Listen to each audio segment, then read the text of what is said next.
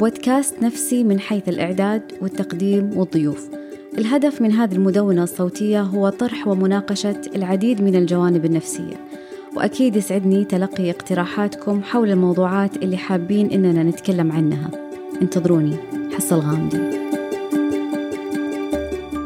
ضيفتنا اليوم الأخصائية النفسية الأستاذة بسمة بنت محمد السيف ماجستير في علم النفس وخبرة تسع سنوات في مجال الصحة النفسية والعلاج النفسي ومسؤولة تطبيق قريبون في المركز الوطني لتعزيز الصحة النفسية. نتكلم اليوم عن تطبيق قريبون عن فكرة آه، فكرته وبدايته وأهدافه وخدماته وإحصائيات عنه. أتمنى تكون هذه الحلقة عند حسن ظنكم. تسرنا متابعتكم من خلال حسابات بودكاست إمعان. التابع لمنصة إمعان في مواقع التواصل الاجتماعي. والمهتمين أيضا لدينا نشرة بريدية دورية في مواضيع الصحة النفسية بإمكانكم التسجيل فيها. هذه الحلقة برعاية المركز الوطني لتعزيز الصحة النفسية. حصة الغامدي أخصائي أول علم نفس سريري. أهلا وسهلا أستاذة بسمة. أهلا وسهلا أستاذة حصة. تشرفت فيك في الحديث عن تطبيق قريبون التابع للمركز الوطني لتعزيز الصحة النفسية. جميل. أعتقد أنه هذا التطبيق من أوائل التطبيقات في مجال الصحة النفسية. وما شاء الله يعني بدأ و... وانتشر بشكل كبير وأعتقد أنه قاعد يقدم خدمات جميلة وكبيرة للمجتمع ودي نتكلم عنه بكثير من التفصيل. يعني ودي نتكلم أول شيء عن فكرة وبداية تطبيق قريبون. آه بالنسبة لتطبيق قريبون هو صراحة تطبيق فريد من نوعه آه في منطقة الشرق الأوسط من أوائل التطبيقات اللي تخدم الصحة النفسية. انطلق التطبيق في سبتمبر 2013 فكرة التطبيق هو تقديم الخدمة النفسية أو الدعم النفسي آه لعامة الناس والتثقيف النفسي وتعزيز الصحة النفسية.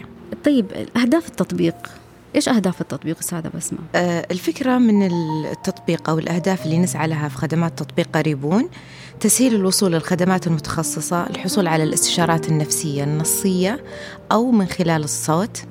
أيضا التثقيف والوعي حول الأمراض النفسية وكيفية التعامل معها. جميل.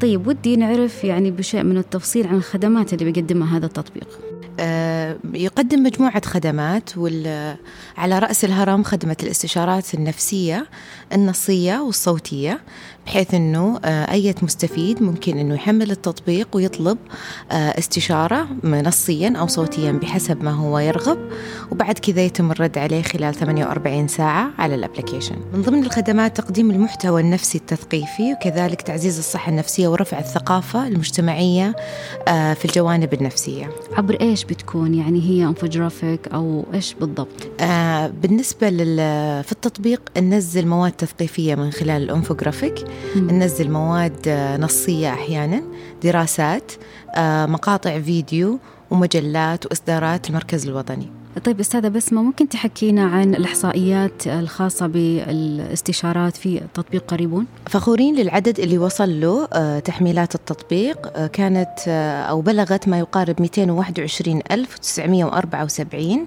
مستفيد. كذلك بلغت عدد الاستشارات النصية منذ انطلاق التطبيق إلى 148795 فيما يخص الاستشارات الصوتية أضفناها مؤخرا. وبلغت 1656 استشارة.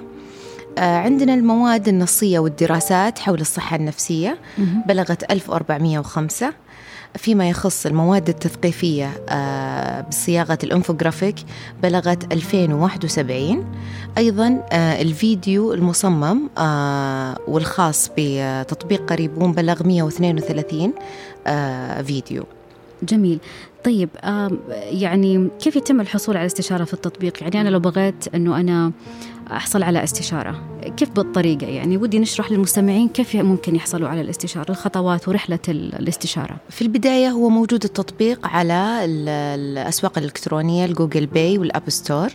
من خلال الأيقونة آه، من خلال أيقونة استشاراتي ممكنك تعبئة معلومات مبدئية ومن ثم كتابة الاستشارة. بعدين تنتظرين لحين تقريبا 48 ساعة وممكن يكون قبل هذا ك maximum يعني بوصول تنبيه آه للمستفيد وينبهوا إنه جاه الرد على استشارته. والناس اللي آه، المختص... هم مختصين آه، في المجال النفسي أخصائيين نفسيين واجتماعيين وأطباء ولا كيف؟ مين اللي بيرد؟ معانا فريق من الأخصائيين النفسيين المتمكنين وكذلك الاستشاريين في الطب النفسي وكذلك المختصين في الخدمة الاجتماعية.